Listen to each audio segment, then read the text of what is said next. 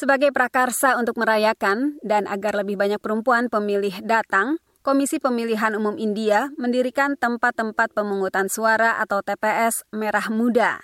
Balon, bunga mawar, dan ruangan dengan perempuan petugas pemungutan suara menghadirkan suasana meriah di beberapa TPS di Delhi. Pernah kalah secara jumlah dari laki-laki, perempuan pemilih hampir menutup kesenjangan itu. Sebagian percaya bahwa mereka dapat membuat pilihan yang lebih baik. Usha Gupta, penduduk New Delhi, mengungkapkan, Women can run the house. They know better how to run the country also.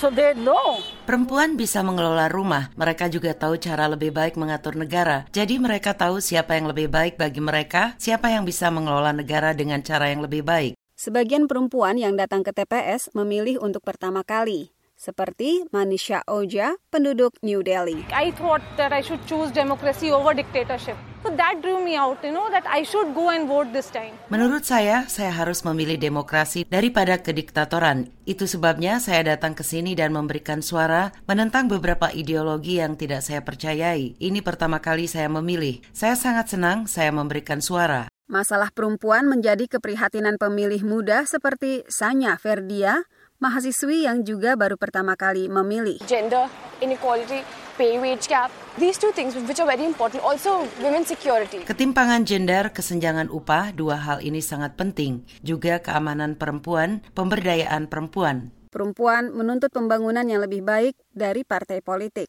Safedi adalah penduduk di negara bagian Haryana.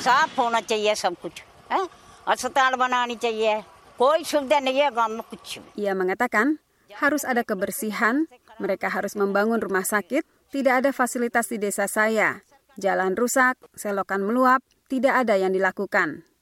Perempuan dibujuk janji-janji akan lebih banyak lapangan pekerjaan, keselamatan, penitipan bayi, bahkan pembalut gratis ketika mereka datang untuk memilih.